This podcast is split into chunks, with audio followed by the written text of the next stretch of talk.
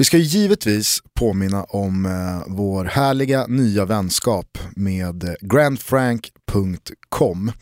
De eh, tillhandahåller inte bara superklina kläder borta på deras hemsida till förmånliga priser utan de har ju dessutom blivit katalysatorn i det som vi har valt att kalla knappkampen. Thomas berätta, vad är det du gör? Alla som följer oss på sociala medier har ju säkert märkt då att eh, jag har ändrat mina matvanor lite. Jag har gått från eh, feta pastarätter och, och, kött med sås till en morot och ett glas vatten. En jag tung ska... Barolo har blivit eh, rumstempererat vatten. Exakt. Eh, jag ska då fram till den 22 december gå ner så pass mycket i vikt att jag kommer i en mediumskjorta.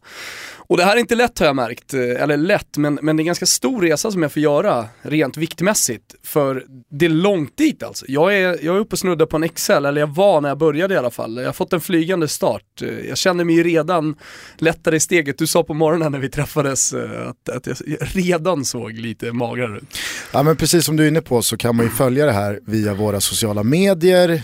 Det finns en hashtag då som heter knappkampen och i torsdags kunde man då se en video på dig när du eh, tar dig i den här mediumskjortan för första gången. Det ska man säga är då den så kallade förebilden. Mm. Och vi såg ju alla hur du fick igen den, men det var ju med nöd och näppe. Jag ah. tror att våran kära vän Kristoffer eh, Svanemar, han sa ju att andas Thomas ut här nu. Släpper han ut kaggen.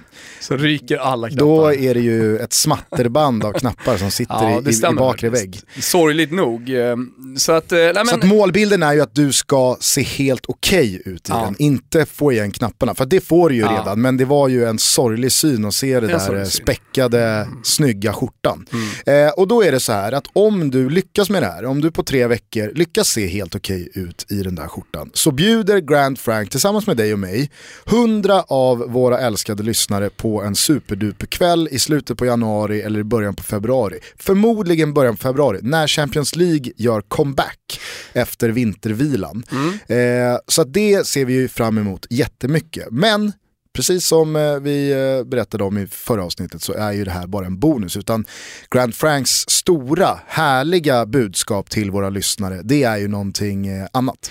Ja, under hela december månad så får man med rabattkoden TOTOBALUTTO 15% på hela sortimentet. Och precis som du var inne, inne på tidigare här Gusten, det är, det är ett supersortiment, det är jättefina kläder, jättefina klockor har jag märkt. Mm. Jag har hittat en, en liten favorit som jag kanske ska köra på, kromad snygg grej som, eh, alltså Grand Frank skapar ju allting själva, de, de gör sina egna kläder, gör sina klockor och, och så vidare.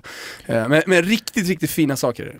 Och handlar man då för 500 spänn eller mer med rabattkoden TOTOBALUTTO så får man 15% rabatt, men man är dessutom med och tävlar om en outfit värd 5000 spänn. Och det här avgörs samtidigt som knappkampen går i mål, alltså den 22 december. Lite sådär genomtänkt från våran sida för att då lyckas ju vinnaren se till så att man får sin outfit lagom till nyårsafton. Så att eh, med rabattkoden TOTOBALUTTO så har man 15% på hela sortimentet, handla för 500 spänn och du är med och tävlar. Jag har ju märkt att några redan har gått in och köpt exakt den skjortan som jag använder mig av i, i knappkampen. Eh, en grym skjorta. Ja, du, alltså... du, har själv norpat den och, och påstår att eh, du ska behålla den. Ja, men jag, jag, jag, ville ju att knappkampen skulle genomföras i den skjortan just för att få behålla den för mig själv. För att du med din eh, liksom, förskräckliga pastabuk skulle skrämma bort ja. våra lyssnare från just den skjortan och att de då går in och kikar på ja. alternativ. Men den är för snygg för att förbises. Eh, det är ju en storsäljare. Så gå in och köp era julklappar på grandfram.com eller köpa någonting fint till er själva. Ja, och sen så är det ju så att eh, det, det, det, är ju många tjejer som lyssnar på oss också. Mm. Och det här är ju bara här kläder. Mm. Så att liksom, sprid budskapet också till era manliga vänner som inte lyssnar på oss. Tipsa om Grand Frank.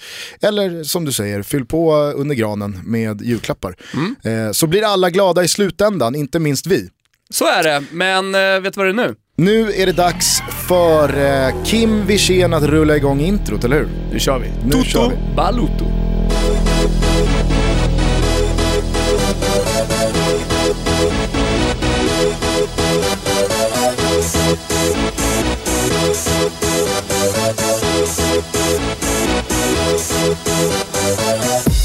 For this? tycker att eh, det är på sin plats att eh, Kimpa får briljera med den härliga fanfaren. Toto Balutto firar ju 30 avsnitt. Kör igång Kimpa!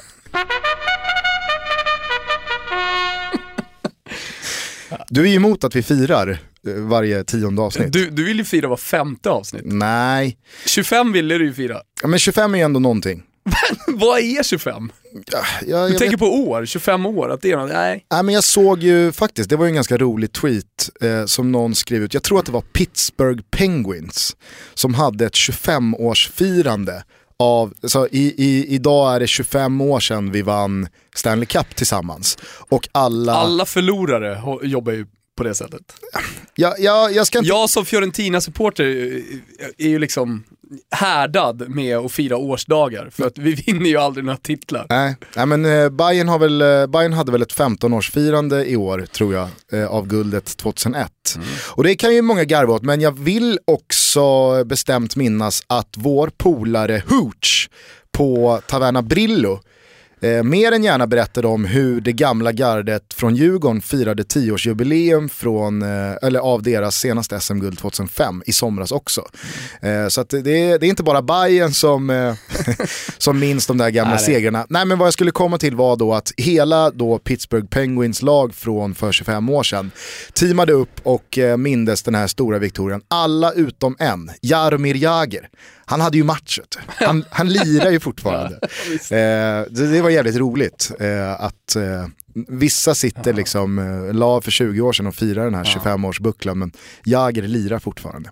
Mäktigt på något sätt. Nej men okej, vi ska inte fira eh, varje femte avsnitt men eh, fyller man 30 avsnitt då, då, då, kan det i alla fall vara värt en fanfar. Sen så är det ju många som har undrat eh, hur vi ska eh, gå tillväga när vi börjar närma oss typ 50, kanske till och med 100. Eh, om det blir någon livepodd och sådär. Vi kan väl säga att det, det, det ligger på ritbordet. Ja, Vår första livepodd. Det, det, det, det, ska inte bara bli en livepodd, höll jag på att säga. Det får bli någonting mer om vi ska göra det. Mm. Eh, det är kul i alla fall att vi rullar på. Eh, vi ska skänka en varm tanke också till Radioplay eh, vårt samarbete med dem som eh, lever och frodas mm. trots att kärlen är i marken. Mm. Eh, vi har slagit rot här mm. och det känns som att eh, ja, vi, vi, har fått en bra start. Ja, verkligen. Det bästa med radio, det finns mycket som är bra, men, men för er lyssnare, om man bara tänker på det här avsnittet, det är ljudet. Som eh, faktiskt, jag som har varit i lite olika poddstudios är toppen. Ja, framförallt så har du figurerat i en eh, långkörarpodd som liksom Kilometer vars... d'amore. Ja, nu, nu är det ju flertalet då. Ja, jag, jag stod på, på Sveavägen, jag stod på, stod på ja, spelpodden också, men jag stod på Sveavägen med Christian Borell och alla som inte bor i Stockholm kan berätta att Sveavägen är en av de mest trafikerade vägarna tillsammans med Hornsgatan någon till i hela Stockholm. Utan mick och bara pratade rätt in i datorn. Ja. Men det var tidigt eh, när, när eh, det inte fanns så många poddstudios. Men det var ju podcastfenomenets linda. Ja, det var eh, Man hade ju dock tänkt att eh 2016-2015 så rad, rattar ju Thomas en podd, då ska det vara okej okay ljud. Men spelpoddens trademark har ju alltid varit det ganska så gravt, Bäst, ned, ned, alltså riktigt Värsta jag gjorde var att jag laddade ner en app som man kunde då spela in ljudet, eh, vilket är förbjudet, så man får gå runt lite med konferenssamtal och sådär. Men appen funkade i alla fall. Så jag kunde då spela in hela samtalet på en Finlandsfärja, jag hade spelat bortamatch med journalistlandslaget i Finland. Och så tog vi Bokstavligt då... eller bildligt? Eh, både och. Ja. Eh, men eh, så skulle vi ta färjan tillbaka, sedvanligt som man gör då med journalistlandslaget. Och på båten kom jag ju på där vid fyra rycket att jävlar, det är ju spelpoddar idag och ser att jag har några missade samtal. Och några bärs senare så sitter jag och ringer från den här trötta lobbyn på Viking Line till Olen och lämnar mina rekar. Det gick bra den helgen, om det var tur eller inte det vet jag fan men eh, det, har, det, har, varit en del knasiga eh, poddplatser eh, som man har, man har spelat in på. Det kommer vi ha framöver också, vi kommer inte alltid kunna sitta i den här studion. Saker och ting händer i livet. Du har en Thailandsresa bland annat som, som stundar, vi får se vad vi ska göra. Ja. Men du ska vi inte kasta oss på det här avsnittet? Har vi några födelsedagsbarn på tal om då 30 avsnitt och så vidare? Det har vi ju, eh, men det är ju också en etablerad sanning i dessa tider att eh, det är oerhört svaga profiler som fyller år i november, december. Snart vänder det ju, vi är ju bara veckor bort från att januaribarnen mm. ska börja dominera. Vet vi hur det går för innebandyns gul och gul Ja, jag vill eh, minnas att de vann premiären med 7-2 mot hemmanationen Estland. Mm. Eh, det var ju väldigt kul. Eh, Andys Frukts finest, Tony Bacci, twittrade ju ut att det, det är ju många redigerare på tidningarna, om det nu når rubrikform här, att, eh, som sitter och väntar med födelsedagsbarn, rubriken redo. Han firade på bästa sätt ja. genom att trycka in två mål i gul och gulos. För alla som inte känner till det, nytillkomna lyssnare av den här podcasten, så är det ju så att vi har faktiskt döpt det svenska fotbollslandslaget till gul och gulo. Eh, så omfamna också det och eh, för det vidare Friends and Family. Vi ska etablera Gul och Gulo i Sverige. 5 december är det i alla fall. Eh, Miralem Suleimani fyller år. Det, det gör mig ingenting kan jag säga. Väldigt lite i alla fall. Eh, däremot så hajar jag ju till när jag ser att Matteo Ferrari fyller år. Det förstår jag. Den eh, väldigt flexibla försvarsspelaren som har spelat i eh, både Inter och Roma i Italien men mm. även i Everton av... i Premier League. Eh, och sen så avslutade han väl karriären borta i MLS.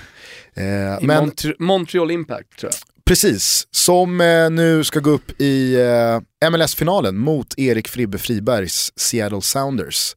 Eh, vi kommer ju såklart koppla in Fribbe när det är dags för det snacket. Ja. Men Matteo Ferrari, det är ju en, det är en sån här spelare som, han har ju krämat ut 15 år i sin karriär, han har figurerat i landslag, han har spelat i stora klubbar, cashen har rullat in. Men, men jag kan ingen kommer ihåg honom jag kan inte min, alltså, Han har ju spelat alltså, i, i mitt Roma. Mm. Eh, ja, jag tror han spelade ordinarie. tre säsonger i, i Roma. Han, han var ju ordinarie, han spelade ja. två säsonger, han var ju utlånad till Everton där.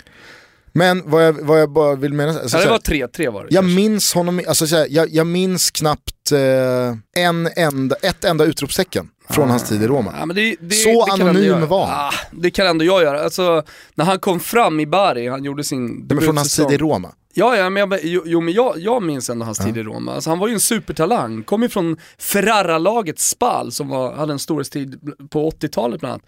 De är ju tillbaka nu, toppen av Serie B, Spal. Eh, men gick sedermera till Inter, till deras ungdomssektion och sen så var det ju då en utlåningsprocess innan han fick chansen. Eh, men men eh, debuten kom ju, Serie A-debuten kom ju i Bari. Och då, då gjorde han ju en hel säsong och såg riktigt, riktigt bra ut som 20-årig eh, mittback. Han var ju superlöftet. Ja, ja, ja, det, det var en tveklös. Spelade alla ungdomslandslag och, och sedermera då Parma, Roma, startspelare. Genoa kommer ihåg 08-09, då hade det ändå, då var jag ju närmare 30. Eh, men fortfarande så här, snack, men precis på tröskeln till landslaget. Eh, men han, han lyckades aldrig göra ett, ett stort avtryck på, på fotbollspubliken. Nej, och han var ju en av, många, också. en av många spelare som har gått på lån till Everton och det har gått åt helvete. Ja. Det är inte många som har gått på lån till Everton och fått det att flyga. Andy van der Meide gick till Everton, gick ju åt helvete. Eh, Royston Drenthe Gamla eh, holländska Real Madrid-supertalangen. Ja. Det var ju början på slutet när han gick till Everton. Mm. Så att, eh, jag vet inte, Everton ska akta sig för att låna in spelare. Men vi säger ju grattis till eh, Matteo Ferrari som eh, är årsbarn med dig. Mm. 79. Och auguri. Fyller således eh, 37 år. Men en eh, spelare som jag skulle vilja lyfta, eh, han fyller 49. Det är den eh, rumänska målvakten Bogdan Stelea. Eh, det är ju väldigt många som eh, har en relation eller bild eller en koppling till Bogdan Stelea. Och det som fascinerar mig, det är varför. För att om du går in på Bogdan Steleas Wikipedia mm -hmm. och hans eh, historik, hans karriär, hans klubbadresser, så är det helt sjukt att jag med många. Var det inte Salamanca länge? Jo men exakt. Nej, men alltså, bara... så här, jo, han var väldigt länge i Salamanca och det är också typ hans eh, mest namnstarka klubbadress och visit och eh, anhalt under karriären. Nedvärderar vi inte lite de rumänska storlagen här på den tiden? Alltså, Nej jag gör ju inte Stoja det. Stoja Bukarest och Dinamo Bukarest och sådär. Nej, jag Nej. tycker inte det. För att det finns många spelare som har spelat i Dinamo och Stoja ja. som inte har fastnat på Yes. Om vi tillåts säga då Västeuropas har... medvetande. Ja. Men Bogdan Stelea, det är ju en målvakt som väldigt många i väldigt många generationer kan liksom pinpointa som den rumänske målvakten mm. Bogdan Stelea. Mm. Men det säger en del om eh, mästerskapen och hur, hur liksom viktigt det ändå är att lämna ett avtryck just i de stora mästerskapen. Man ser liksom Messis ständiga jakt på att uh, vinna en titel med Argentina. Uh, och det, det, här eviga med att Maradona minsann förde och, och ledde sitt Argentina till eh, VM-titel. Ja, precis. Och då slog det mig så här, är det för att han stod i eh, Rumänien 94? Och så var vi inne och kollade laguppställningen. Nej, den rumänska målvakten hette ju Prunea. Så Stelea var ju tvåa bakom Rumänien, eller bakom Prunea i det här Rumänien som Sverige slog ut på straffar i kvartsfinalen VM 94. Men när jag då går in på svenskfotboll.se, då finns ju deras fina då resultatbank mm. som heter fogis.se där mm. allting läggs in. Byten, matchminuter för skador och så vidare. och så vidare. Bra tips. Vet du vad jag ser då? Nej. Jag ser att vare sig Sverige eller Rumänien gör sina tre byten i den här matchen. Rumänien gör bara ett byte. Och jag tycker så här 22 och ett halvt år senare att det är så jäkla konstigt. Vi alla minns ju hur varmt det var. Alltså det har ju alla sett på bilder i efterhand, de som inte minns det där och då. Men det, vi, vi pratar 35 grader varmt. Det blir förläggning och Sverige spelar med en man mindre. Ändå väljer Rumänien att inte sätta in två fräscha buggar. Kan ha varit eh, en av tidernas då mästerskapsmässigt eh, sämsta drag, eller icke-drag då från en tränare. Och helt ouppmärksammat. Jag har, kan inte minnas att någon har påtalat det här eller snackat om det efteråt. Mm. Varför bytte inte den rumänske förbundskaptenen in två fräscha spelare i förlängningen? Och varför bytte inte Tommy Svensson ett tredje, alltså varför gjorde inte Tommy Svensson ett tredje byte? Och han hade tio, alltså han, han kom hade, ju undan eftersom han vann. Såklart, ja. men du fattar vad jag menar. Han hade ju nio utespelare som spelade med en man mindre i den där värmen i förlängningen. Någon måste ju kunna gå in och gjort, alltså, ha haft bättre förutsättningar mm. för att vinna matchen åt Sverige än vad som hände. Det är jättekonstigt. Eh, vi kanske då nästa avsnitt ska ringa upp till eh, en journalist i Rumänien och kolla lite om, om, om det var något eftersnack och om det fortfarande då kanske pratas om de här bytena. Jag, jag känner ju ett par i alla fall där nere i Rumänien som, som eh, är riktigt vassa. Ja det tycker jag verkligen vi ska undersöka. Mm. För att eh, ju mer jag tänkte på det i morse när jag satt åt frukost och liksom brushed up kring Bogdan och så kom jag in på det här så, så slog det mig att så här, hur kan man inte utnyttja ja, sina tre byten? under de här omständigheterna. Svinkonstigt, eh, den väldigt anonyma klubbkarriären Bogdan Stelea har i alla fall gjort att eh, han dras upp i eh, en podcast som heter Toto Balutto 2016. Vi säger grattis på 49-årsdagen. Hörru, du har spelat en äh, jäkla massa fotboll, stor fotboll, det har hänt mycket i eh, Europa, kanske dags för svep eller? Det tycker jag verkligen. Det var ju väldigt många som ställde sig i min ringhörna här efter våran lilla svepduell i de senaste avsnitten. Mm. Du körde ett svep helt utan äh, resultat För eller mål. att markera. För att markera, för att äh, leda oss in i en diskussion. Jag valde att kontra med ett monstersvep. Ja. där jag bland annat hade ett långt sjok om Crystal Palace. Ja. Du satte ner foten. Så att vi får se vart du har landat här nu då? Kanske någonstans mitt emellan. Mm, kör! Vi börjar veckans Europasvep på den Iberiska halvön där alla blickar riktades mot Barcelona och Camp Nou. Sisus cyniska omställningsfotboll alla Italiana ställdes mot Luis Enriques caretaking-variant av det som präglat Barcelona sedan Peps dagar. Matchen slutade 1-1 och blev vi nog klokare? Knappast. När historieboken om El Clasico uppdateras med helgens match finns det inte många rader att krita ner. Det här var matchen som hade alla förutsättningar att bli minnesvärd, men som istället redan är glömd. Om Enrique säger jag Vakna om Sisu säger att det är svårt att kritisera en sammansvetsad orkester som sätter varenda ton bara för att man inte gillar melodin. Jag noterar också att Facundo Roncaglia gjorde mål när Celta Vigo spelade 3-3 borta mot Real Betis och att John Guidetti hamnat längst ner i den anfallshierarkin. Att Valencia åkte på ett tungt kvitteringsmål hemma mot Malaga i slutminuterna och att eh, Cholo Simeones Atleti Chicos inte mäktade med att göra mål mot Spaniens Kevo. Espanyol. På tal om Kevo och halvöar i Italien röstade man inte bara om landets grundlagar. Förutom referendum spelades det faktiskt fotboll också och det var en hel del svenskt på planen i helgen. Hiljemark kamperade ihop med Keyson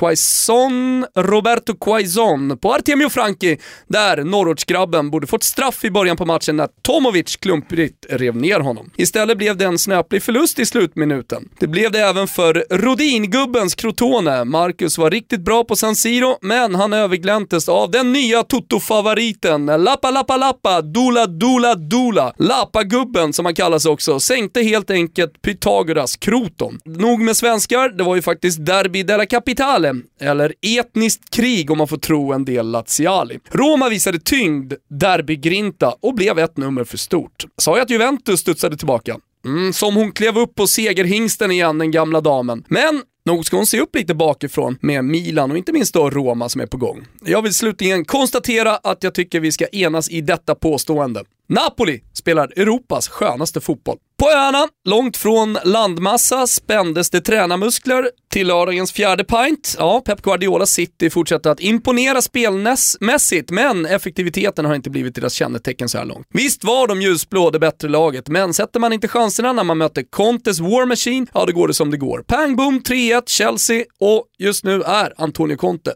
världens bästa tränare. Kom så! Många kanske tycker att Bournemouth fullständigt eh, vansinniga vändning hemma mot, eh, ja, säg världens just nu eh, fjärde bästa tränare var ofattbar. Ja, det får man väl eh, kanske såklart säga, men vi fick faktiskt en ännu sjukare vändning. Jag vet inte om du har varit med på det här Gusten. Kurtzon ledde med 3-0 mot Wimbledon efter ett hattrick av Adam Morgan, men med 10 minuter kvar vaknade den gamla tjonga-gänget till. Tom Elliot blev till slut stor hjälte när han tryckte in 4-3 på övertid och Wimbledon vidare i FA-cupen. Och jag och Zlatan gjorde mål och jag och Pogba han springer fortfarande vilse på mittfältet och jag och Manchester United är fortsatt askassen. Vi avslutar på trygg tysk mark där ettan i Bundesliga Leipzig städar av Schalke 04 på ett imponerande sätt. Det blev inga nya poäng för Foppa men han var en av planens giganter återigen. Leipzig är obesegrade i Bundesliga och inget talar för att min landsman Ralf Hasselhüttels segertåg kommer att stoppas. Hasselhüttel ja, ja den gamla Austria Wien-bjässen är en stor Europasnackis och klubbarna ställer sig på led bakom succétränaren för att se var han landar till slut. Toto Balotto gläds slutligen enormt med Branimir Ergota som startade och målade för Frankfurt i den elfte minuten. Samt Albin Ekdal som är tillbaka. Han kom in i den 83 minuten för den gamla dinosauren som bärgade säsongens första seger borta mot Darmstadt. Tick-tack, tick-tack, tick-tack. Klockan slår på Folkparkstadion! Tillbaks i gamla hjulspår, fan vad härligt. Det där var ju ett svep i eh, min smak och i många lyssnares smak.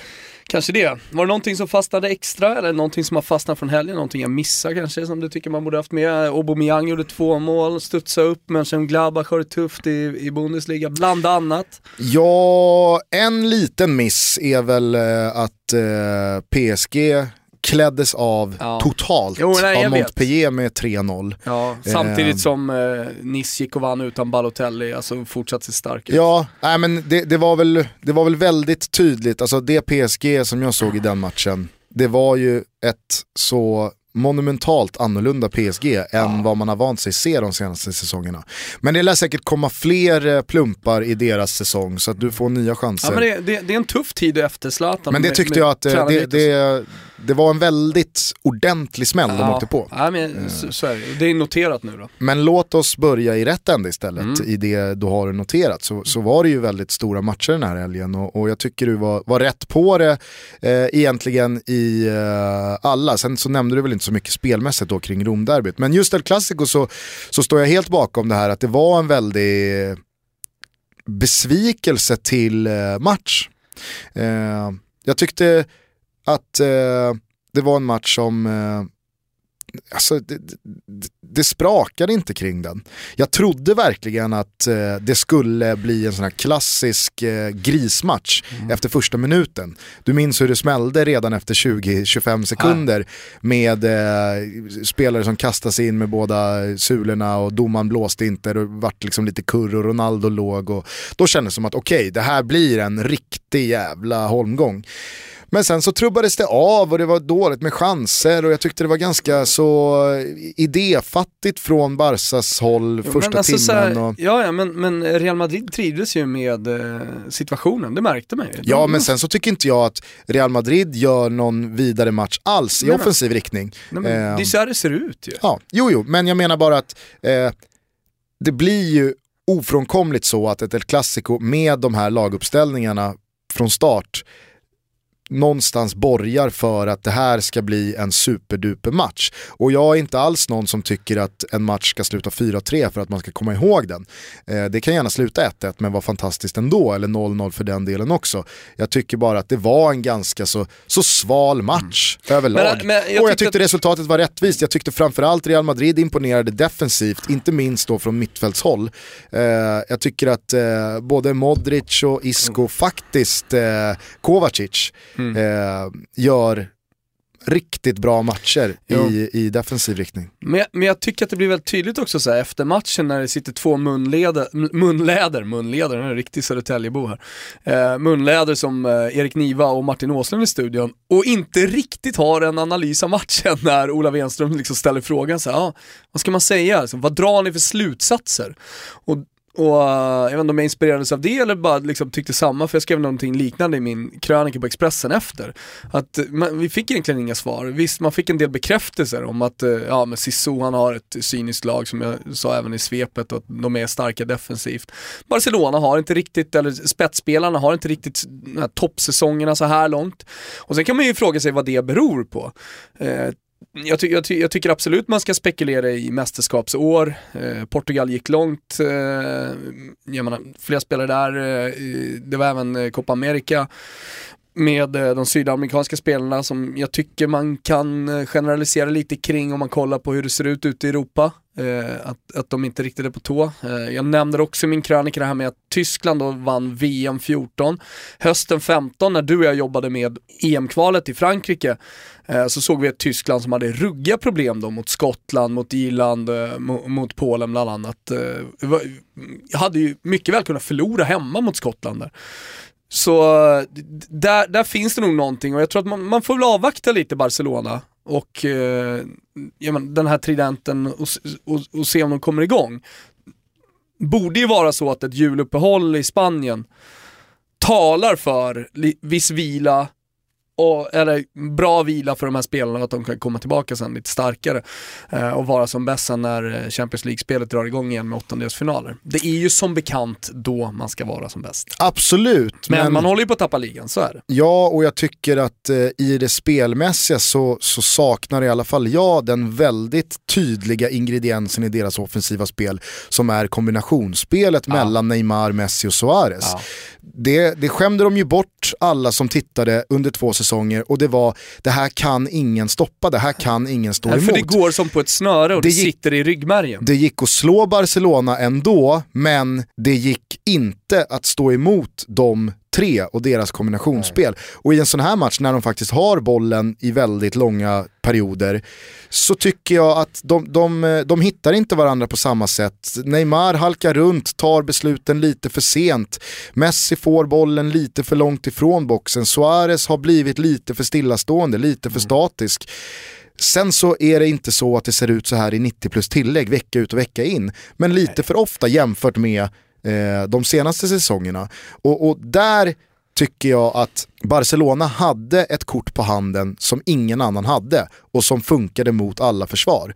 Men när den ingrediensen trappas ner lite, alltså de här utomjordiska kombinationsspelen, väggspel på tredje gubbe, lösningar som man inte ens hänger med på från tv-soffan. När de försvinner, ja då är Sergio Ramos och Rafael Varan eh, med den mittfältskölden framför en tillräckligt bra backlinje för att stå emot eh, och hålla dem stången. Mm. Eh, jag, jag, tycker att det också är anmärkningsvärt, Sergio Ramos eh, förmåga. ja, jag såg att du twittrade det också. Att, eh, att eh, göra skillnad i slutet på matcher exakt. i offensiv riktning. Han är Nej, jag, jag, jag tycker Nej, att det är imponerande. Absolut, det är vissa spelare sådär genom historien som alltid har varit, eh, ja, men, speciellt i slutet sådär, vara avgörande, göra, göra, göra mål på, i, i, slutminuterna. Och Sergio Ramos är en av de som fortfarande lever fotbollsmässigt som, som går i bräschen där i det gänget. Mm. Nej, jag, det, jag, jag tror att det var i inledningen på den här allsvenska säsongen när eh, Höjkur Höjksson Mm. Lämnades ensam på offensiva fasta för AIK hela tiden och hade ganska bra utdelning. De, de, de, det spelade ingen roll vilka de mötte, de glömde bort Höjkur och han gjorde poäng. Eh, sen så eh, försvann ju han eh, ganska så mycket också från eh, startelvan, så det försvann väl lite. Eh, men jag kan förstå när motståndarlag tappar bort spelare som inte borde vara offensiva hot på fasta situationer. Men när man tappar bort Sergio Ramos, när man lämnar Sergio Ramos utan markering i 90 minuten i ett El Clasico i ledning 1-0, då förstår jag faktiskt inte hur man resonerar och tänker som FC Barcelona-spelare. Det, det är alltså ser man den där frisparken, eller hörnan igen, och ser hur de agerar, Äh, det är sånt slappt mm. försvarsspel ah, så att det, är, det är löjligt alltså. Mm. Men eh, resultatmässigt, nej, jag tycker det var fullt rättvist. Det som, det som jag verkligen läser in i den här delen, det var ju det du tog upp. I, jag tycker att det är alarmerande för Simeones Atletico. Mm. Att inte kunna utnyttja att Real Madrid och Barca möts samma helg. Han vet att ett av lagen, minst ett av lagen kommer tappa det poäng. Det har han ju alltid gjort, han har ju utnyttjat det i varje säsong. Alltid, alltid. Och att han inte lyckas slå Espanyol den här omgången hemma. Det förvånar något oerhört. Mm. För det är inte så att Atletico har sju nyckelspelare på skadelistan, utan de ställer upp med Gamiro, Carrasco mm. och Griezmann.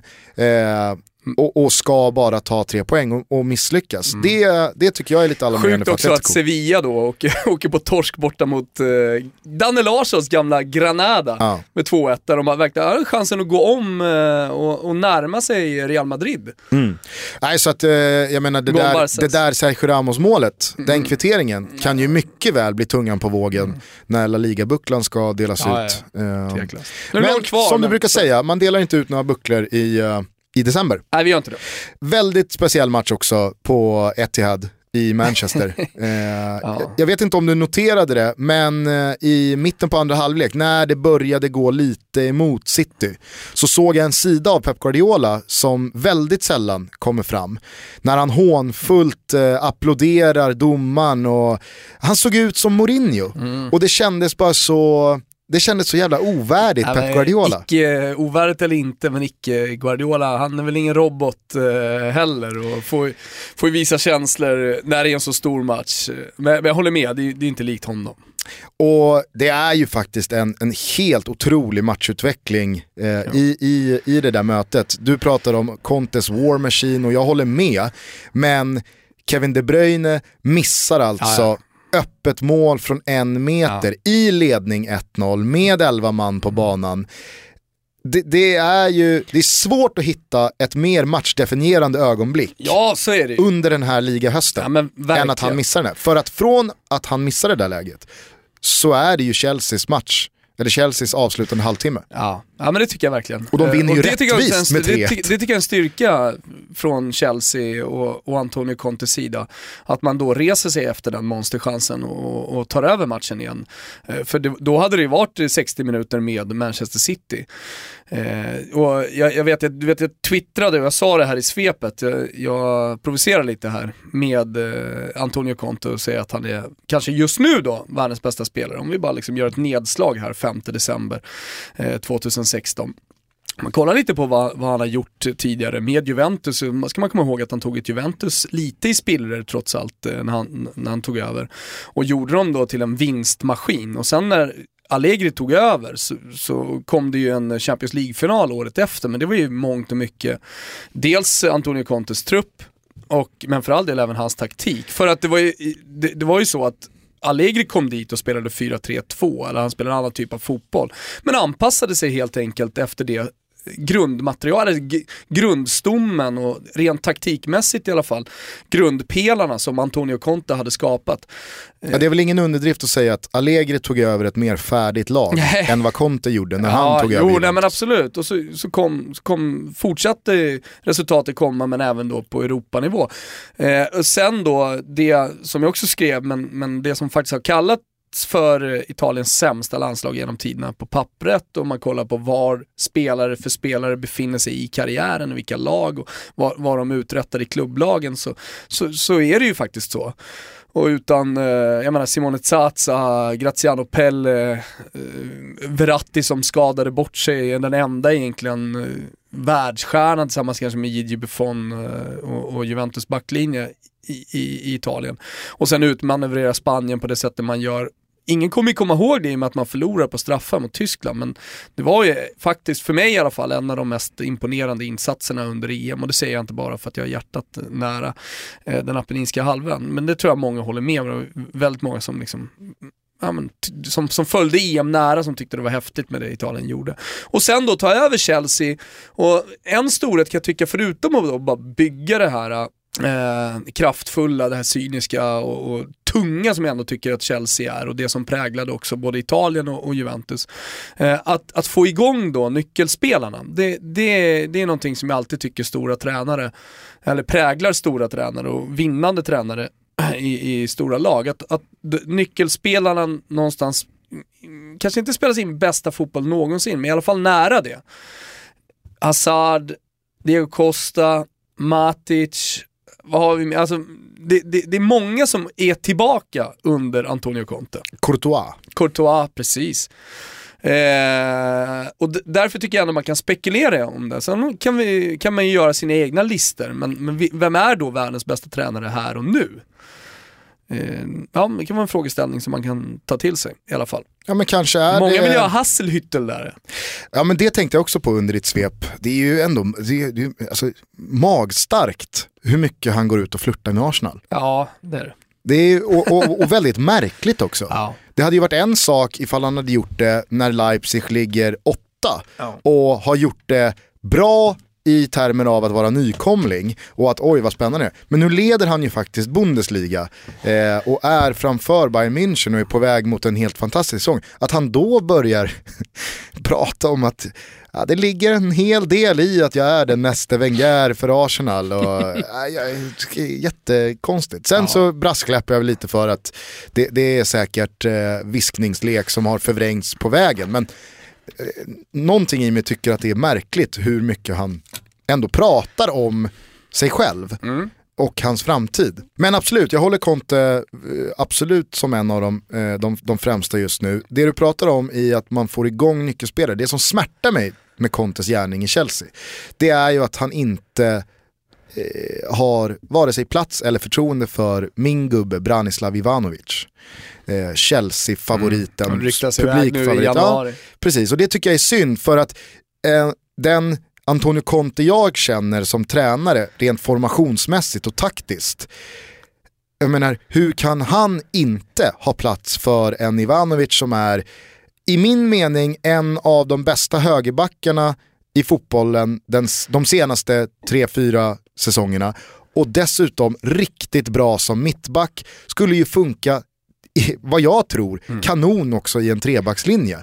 Mm. Eh, men han är, han är bara... Ja, men det, det, det uppenbarligen funkar, men jag har släppt in eh, två ja, det går inte, Det går inte att säga någonting resultatmässigt, men det gör lite ont ja, eh, att, att Ivanovic inte får vara med på det här tåget. Mm, en spelare som jag har gillat, eh, som jag såg i den här matchen ta ett steg ner och som jag aldrig tror kommer kliva upp igen, ja. det är ju eh, Alexander Kolarov. Mm. Eh, ja, han har väl krämat ur all talang som fanns i den där kroppen. Kanske. Och, och kanske har han, och kanske, sportsligt nått eh, så långt som man bara kan komma. Och kanske har Kolarov som mittback plockat upp manteln som Martin Demichelis släppte i somras när han ja. lämnade City. Eh, för att den ifrånspringningen som Kolarov åker mm. på, alltså, det, ja, det är... Ja, du och jag och säkert många som lyssnar kommer ihåg när Kolarov gick från Lazio till, till Manchester City, det var ingen i, eh, i Lazio som direkt tryckte på axlarna och, och var jätteledsna över det. Nej, nej. Eh, liksom, bara om vi får fortsätta prata om vänsterbackar, eh, Marcos Alonso som gick från Fiorentina till, till Chelsea i somras. Där var det inte heller väldigt, det var väl ingen som brydde sig speciellt mycket om att Marcos Alonso lämnade. Där var det snarare att man släppte båda vänsterbackarna, Pasquale gick också. Men han, Conte har ju gjort Marcos Alonso till någon modern version av Chiellini.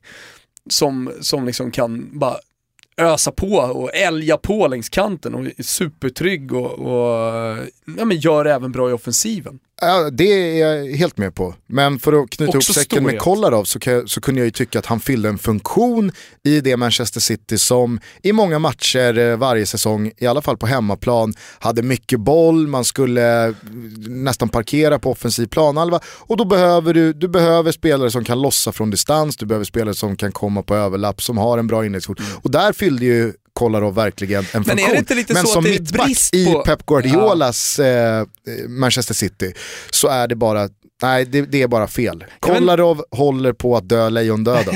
ja, kanske det.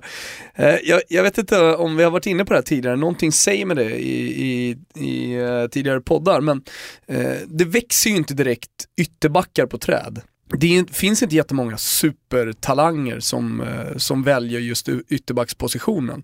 Så är man förälder och lyssnar på det här så ska man kanske skola sina barn, liksom föra dem in på just ytterbackspositionen. Ja, så kan man ju ta Discos råd då att eh, inte göra dem till defensiva mittfältare. Mm.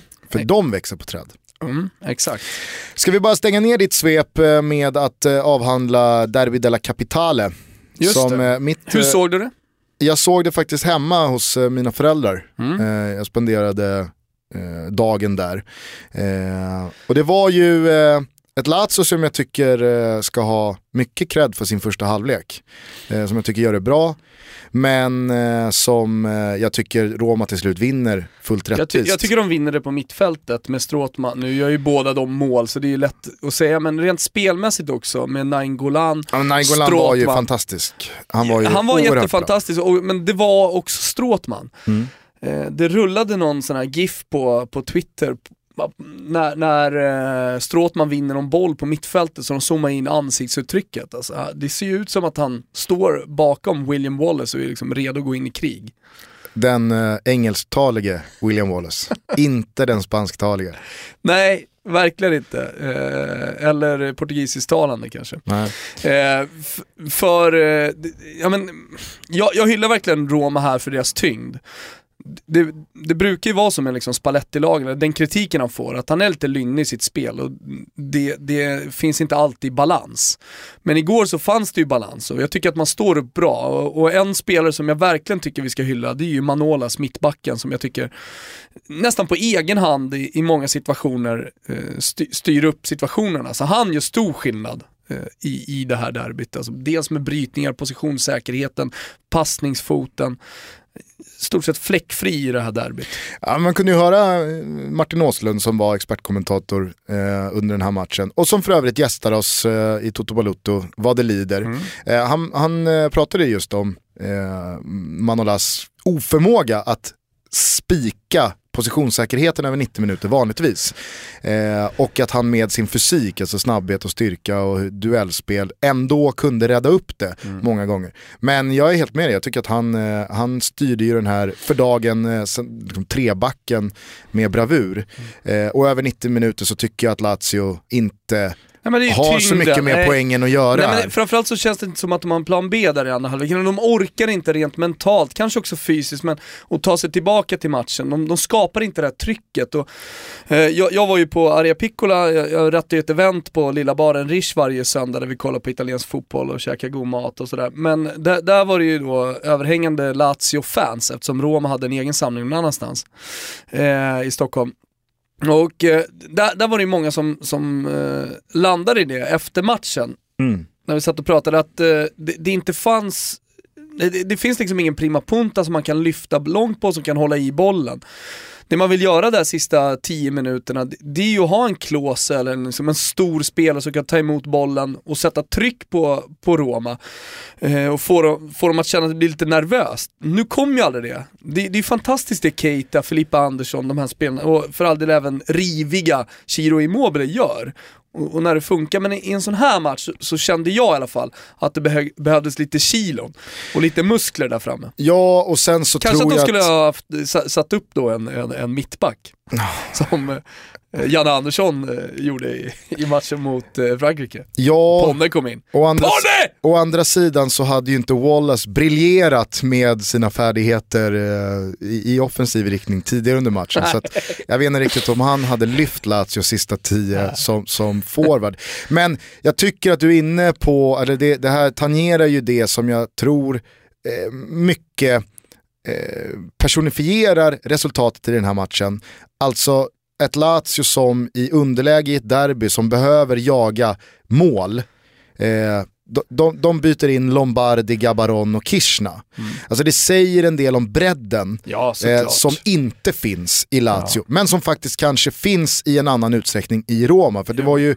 De har ju kommit lite längre. Ja, och jag menar i den här matchen så saknas då Salah, många är oroliga mm. över vad det ska innebära det finns då eh, liksom ersättare i truppen som ja, går, man kan går göra, om, ett, göra om taktiken lite. Precis. Där pratar vi plan B, C, D som, som ändå, ja, jag tycker Spalletti sitter inne på. Så det finns ju en bredare eh, och större trupp mm. som kan hantera förändringar mm. eh, på ett annat ja, sätt än vad Lazio kan. Och det, det tycker jag talar lite sen, för. Sen, jag skulle vilja ge en mm. liten örfil, jag vet att vi ska ge, dela ut örfilar till andra personer ja, eh, kring det, är det här ett österrikiskt eh, präglat eh, Toto Balotto idag. Ja. Det är ju schnitzel, gulasch och hasselhüttel. Eh, sen har ju faktiskt österrikarna gått till val. Ja. Och gjort, gjort det de skulle göra. Mm. Nej, men får jag bara ge en liten örfil här till Spalletti. Ja. För att jag tycker att han klarar av den här matchen taktiskt eh, superbt eh, och, och, gör det jättebra. Men vänta nu, är det Roma-supporten som ska hålla på att ta? Ja, lite ja, så okay. faktiskt. Eh, och lite fotbollsromantiken. Nej, men jag tycker att leder man med 2-0 eh, och ser hur den där matchen ser ut, man har dessutom absolut eh, möjlighet att bara döda tid med ett byte. Och det sitter en fit for fight Francesco Totti på bänken. det kan ju hypotetiskt vara hans sista Romderby som han är fit för. Ja. Eh, att han då inte bara kan ge Totti ja. sista minuten, jag fattar, eh, sista två minuter, det tycker jag är jävligt dåligt. Jag, ja. jag tycker det är så jävla, det är en sån onödig markering. Ge honom bara sista två minuterna, döda tid. Han, ta han tappar ju inte 2-0 till 2-2 på egen hand. Så att, nej, det, det, det, det gör mig frustrerad talar till eh, redan frälsta. Jo, jo, det gör jag säkert, men jag vill ändå säga det. Nej, helt rätt. Men det ska delas ut en gulasch till en annan eh, spelare inblandad ja, i den här matchen. och eh, den här matchen föranleddes ju av, eh, som alltid med Romderbyn, eh, ja men man fick mycket bilder från fans då som hyllar laget, eh, eller lagen, under deras träningar. Det var ett Roma som skulle träna inför tusentals fans, men det blev inställt för att Polismyndigheten eh, trodde att det skulle vara liksom, ja men det var inte säkert. Lazio Lazio sin sida då var ute på Formello och eh, där höll en av eh, Capo Ultras, en av ledarna i Lazio-klacken, ett, ett tal. Och vi kan väl bara lyssna lite på det, även om det är italienska så, så hör man tonen. Le ultime due cose. Le ultime due cose. Ricordatevi che poi non è una battaglia. Per noi è una guerra etnica. Och jag vet inte om någon snappade upp det här, flera av våra lyssnare har varit med och diskuterat på Twitter och sånt innan, men för er som inte känner till det så, så nämner han ju Guerra Etnica. Han säger att den här matchen det är inte bara en match för oss utan ett etniskt krig. Och det är, ju, det, är det ju inte på något sätt och det, det, det är värt en, en gulasch bara det. Eh, men det är inte dit jag vill komma, jag vill bara att ni ska höra då uppladdningen. Som spelare så gäller ju, tycker jag, att eh, ta den här matchen för vad den är, så väldigt delikat och man, man, får passa vad man säger oavsett om det är mycket känslor i luften och sådär. Och direkt då efter matchen i eh, Mediasets sändning så talar Lulic och han får frågan om det här lilla kurret med, med Rydiger och Rydiger ska då inför den här matchen, eller ska, han har då gått ut och sagt att eh, Ja, man säger några välvalda ord och provocerar lite inför derbyt. Men, men det Lulic gör, det är värt... Men, men på en okej okay nivå, ska säga. Ja, absolut. Det, det, verkligen.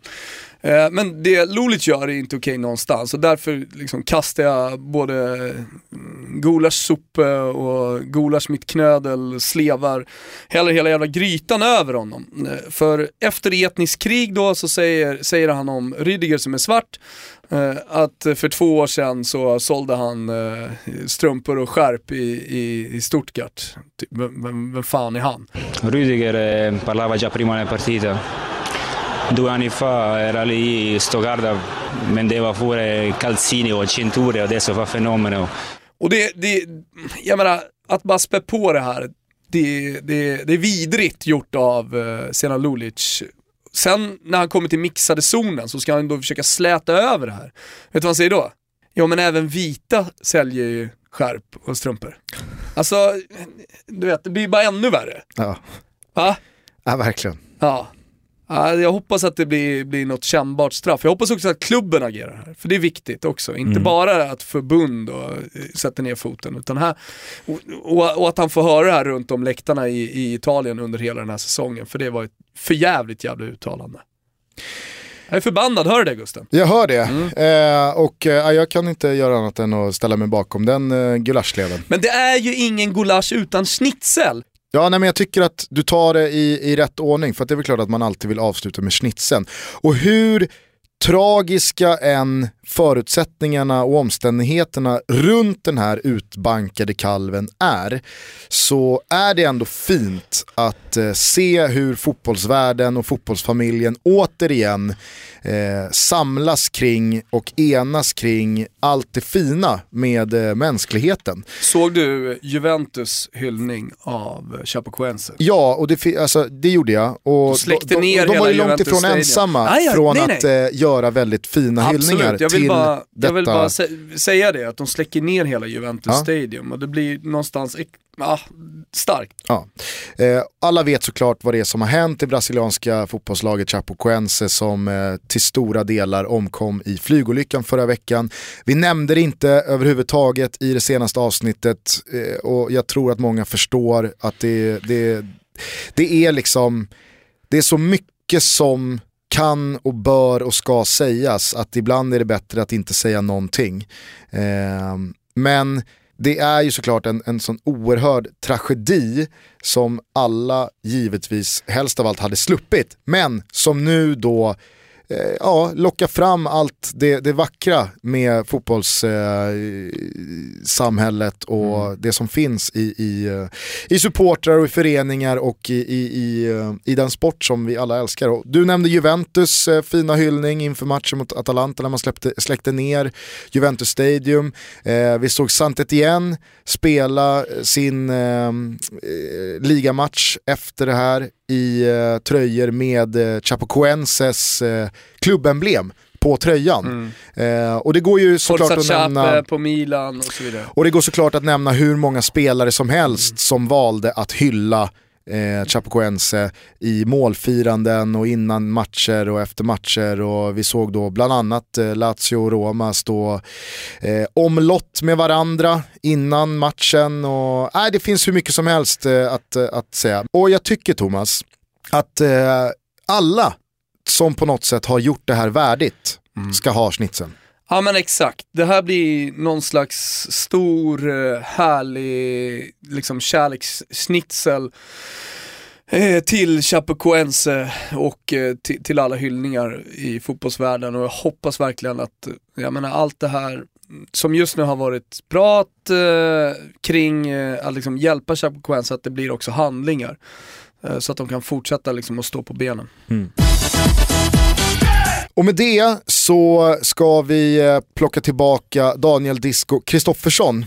Ja, vad kul! Eh, vi ska plocka in honom i studion igen mm. för att vi ska ha lite fokus på den här mannen. Tjena Danne, Janne här. Har du Sams nummer?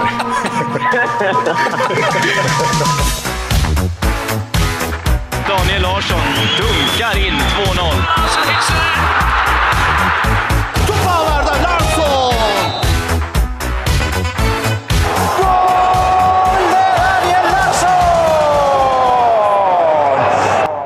Vi har ju såklart eh, velat ringa Danne här nu.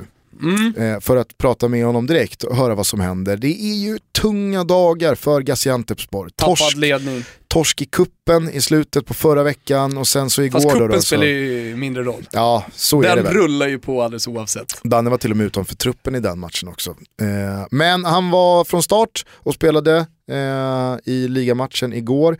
Som man alltså leder med 1-0. Eh, det känns som att man har lite medvind eh, eftersom att eh, bortalaget eh, Akishar Genschlikspor missar straff i 32 minuten och sen så kan då Nizam gå upp och göra 1-0 mm. till Gaziantepspor.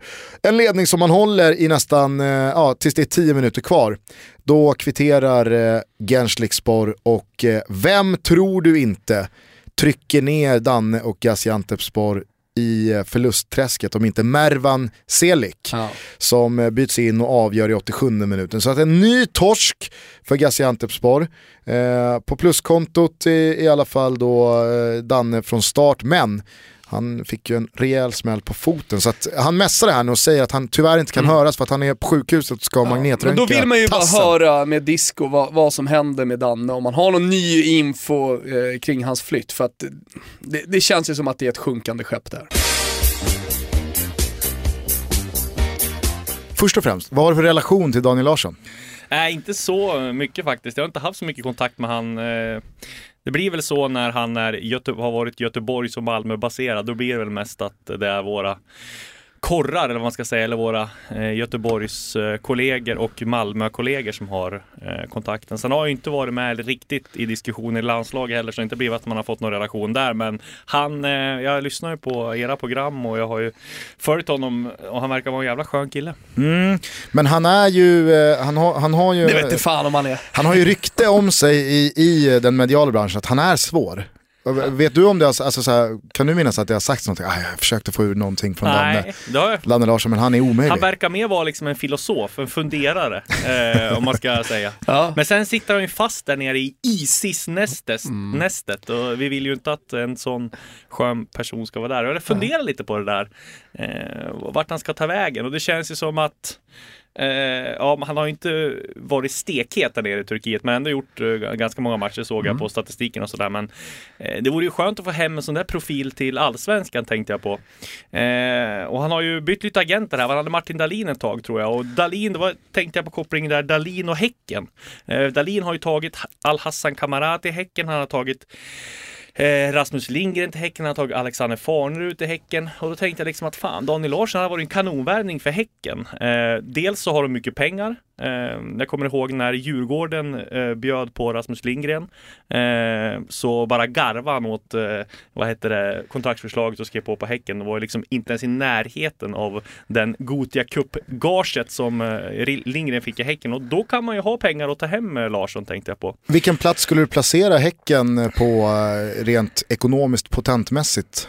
Ja, nu måste de vara där i, i toppen. Det är väl eh, Malmö först, AIK, Djurgården, sen Djurgården har fått en jäkla bra ekonomisk eh, sits där. Även fast jag vet att eh, Bosse och eh, Henrik Bergen vill ju hålla nere lönerna. De är ju lite märkt av mm. eh, tiden Kanske med all rätt. Ja, precis. Och det tror jag är viktigt. Men eh, Häcken absolut. Och fick hem Micke Stare. Det vet vi också att han gillar cashen. Mm. Eh, både i Kina och eh, där så att... Eh, Oljepengar. Ja, det vore ju lite kittlande att ta eh, Daniel Larsson här till Ja, Häcken. för det är väl ingenting att sticka under stol med. Att Danne, han gillar ju det gröna också. Ja, det ska vi faktiskt säga, vi som känner Danne. Att, ja. han, han, han gillar ju dollar, dollarasen. Han hänger ju inte Gaziantep han hänger, han hänger ju inte Gaziantep för wifi.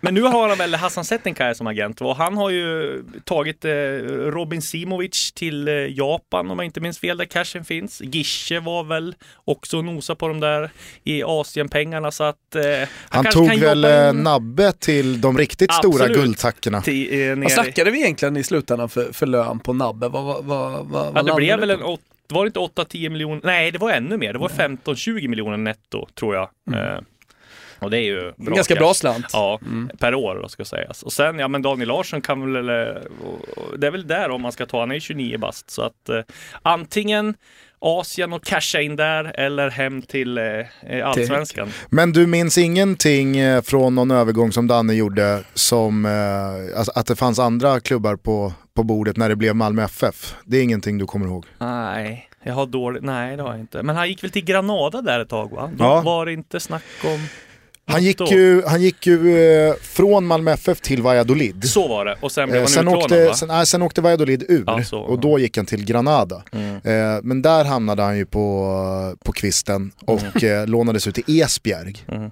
Men han, gjorde, alltså, han hade ju väldigt starka aktier under sin tid i Malmö där, när mm. han skulle Absolut. åka. Ja, då, var ju, då var det ju snack om han i landslaget, det kommer jag ihåg. Ja, och då var det väl både Glasgow Rangers men framförallt Kaiserslautern, mm. vill jag mm. minnas, som var eh, heta bud.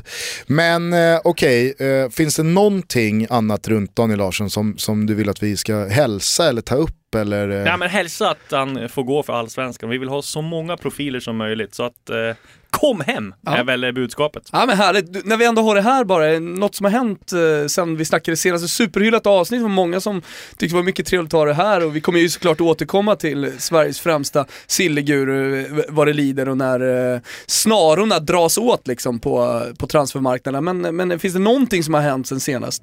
Ja det finns det ju. Uh, ja, jag får passa på att tacka på all fin respons. Jag har fått mycket respons på Twitter, mail och alltihopa så att, eh, nej det var, trodde jag inte.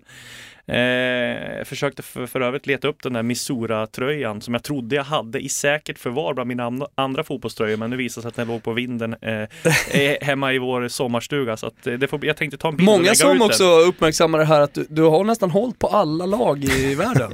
ja, exakt. Ja, det blir ju så när man inte har någon riktig, vad ska man säga? Jag kommer ju inte få någon så här riktig fotbolls... Nej. Du vet i Hälsingland där är det liksom, ja det är Hudiksvalls ABK som är det största laget i division 2. Eh, men, ja, jo, men det som har hänt är att jag har fått kontakt med Shinidu Basi.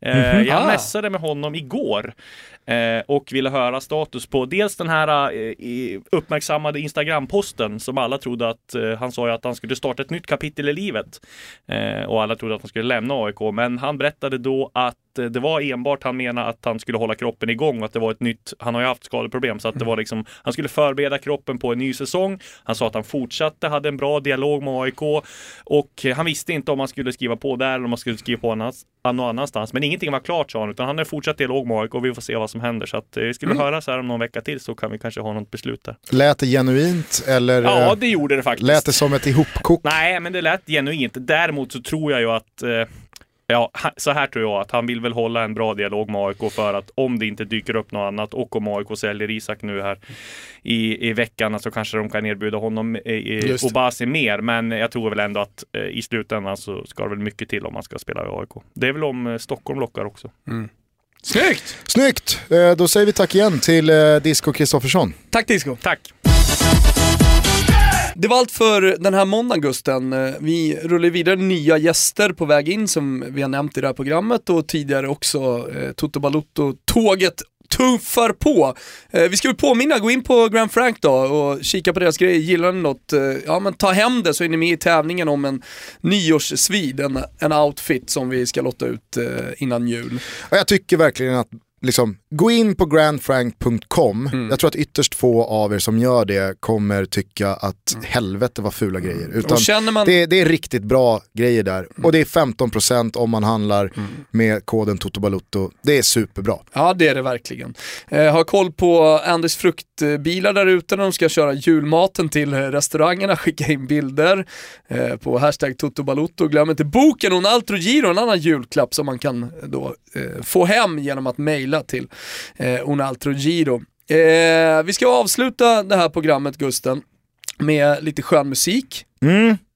Det är ju så att eh, Patrice Evra den senaste tiden mer och mer etablerar sig som hela fotbollsvärldens älsklingsspexare. Eh, han har ju en eh, fantastisk sångröst. Han har ju eh, höfter som är riktigt väloljade.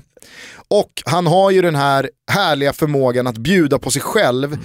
utan att det känns... Eh, Konstlat och... Exakt, som att någon PR-snubbe har sagt till honom att gör det här. Det känns som att han, han är bara en spexare som eh, tycker att det är ganska nice att leva. Ja. Eh, det finns ju hur många videor som helst att konsumera från Patrice Evra senaste året och han har pandadräkter och efter eh, Frankrikes seger mot gul och gul och så kör han ju någon video tillsammans med Pogba när de kör Marvin Gayes Let's Get It On Jean.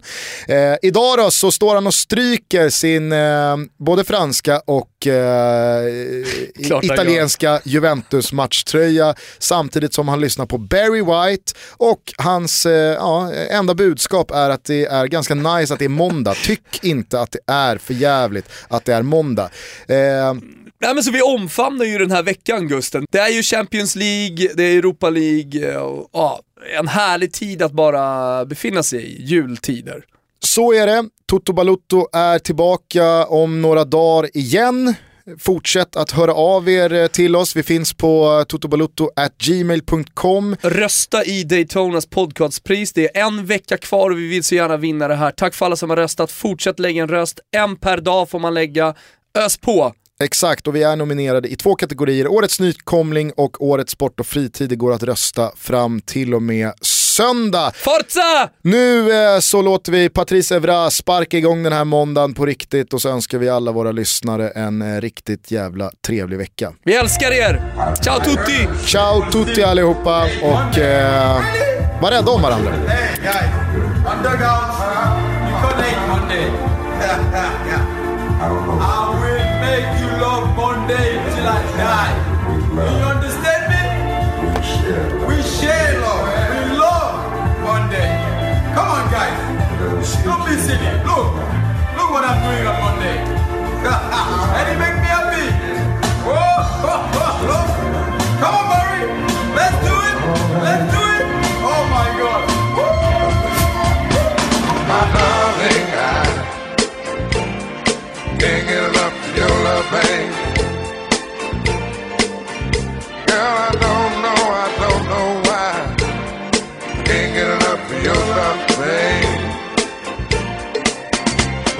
Some things I can't get used to. No matter how I try. It's like the more you give, the more I want.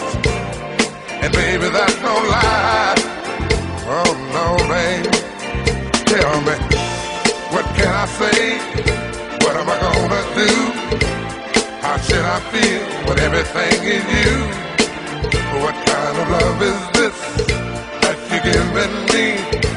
Is it in your kiss or just because you're sweet? Girl, all I know is every time you're here, I feel a change, something moving. I scream your name. Look what you got to do it, darling. I can't get enough of your love, baby.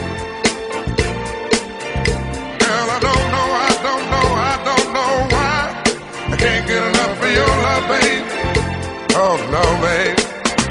Girl, if I could only make you see and make you understand. Girl, your love for me is all I need and more than I can stand. Oh well, babe. How can I explain all the things I feel? You've given me so much, girl, you're so unreal still. Keep loving you more and more each time. Girl, what am I gonna do? Cause you're blowing my mind. I get the same old feeling every time you're here. I feel a change, something moving. I scream your name. Look what you got to do, darling, I can't get enough of your love, babe. Oh no, babe. Baby, it didn't take all of my life to find you. But you can believe it's gonna take the rest of my life.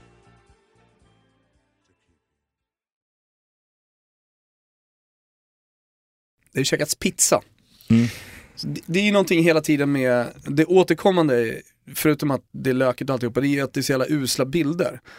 Jag menar, på ett sätt kan jag tycka att det är skönt att man visar verkligheten, för allting är så jävla konstlat på Instagram. Det, det är liksom filter och man ställer saker i ordning och så. Då kan jag ändå gilla att Crescito visar den, den nakna verkligheten. Och det gör han ju verkligen med den här pizzabilden. Det ligger liksom pappers, papper ihop, du vet, hushållspapper ihoprullat från kladdiga, flottiga fingrar från att ha ätit pizza och det står cola på bordet. Så här. Men någon vet. jävla finess får det ju faktiskt ja, finnas. men man tycker ändå att det borde finnas någon finess. Och den där pizzan ser ju i ärlighetens namn, för en snubbe som Crescito som har då rötterna i Neapel, där pizzan faktiskt kommer ifrån. Liksom, ändå hyllar det där pizzastället, det säger ju någonting om honom också. Men eh, du såg eh, den här bilden jag la upp eh, på middagen han käkade tillsammans med eh, med några basket. polare. Ja, han basketgubben där va. Ja, är det han Thule? Ja, Thule, alltså ja. som man verkligen eh, älskar. Alltså det är ju, alltså det, han ska inte ha så här mycket pengar och leva ut på det här sättet. Nej, jag vet inte. Han lever ju så många människors dröm ja. och det, det är det här han, han får ut av det. Det är sjukt egentligen alltså när du säger det. Det är, det är faktiskt bisarrt. Men jag tror att han är hemma i Italien igen. Ja, han packar väskor. Han ja. och Pami ska hem. Jag tror att uh, vi kan lyssna på hur det låter när han är hemma i Italien igen. Siamo con la ragazza qui. Genova. Genova! Det har ju blivit hans hem då, uppenbarligen Genova. Ja, det var hans... Håll käften bara Crescito! Han har ju lust att skrika. Ja, verkligen.